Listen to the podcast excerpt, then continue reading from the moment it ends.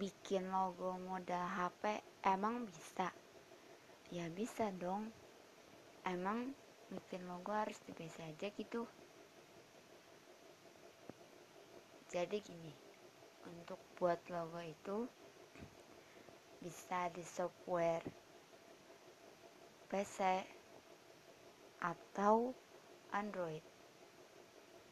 Yang terpenting itu adalah kreativitas dan kemampuan kita dari membuat logo itu. Software hanya penunjang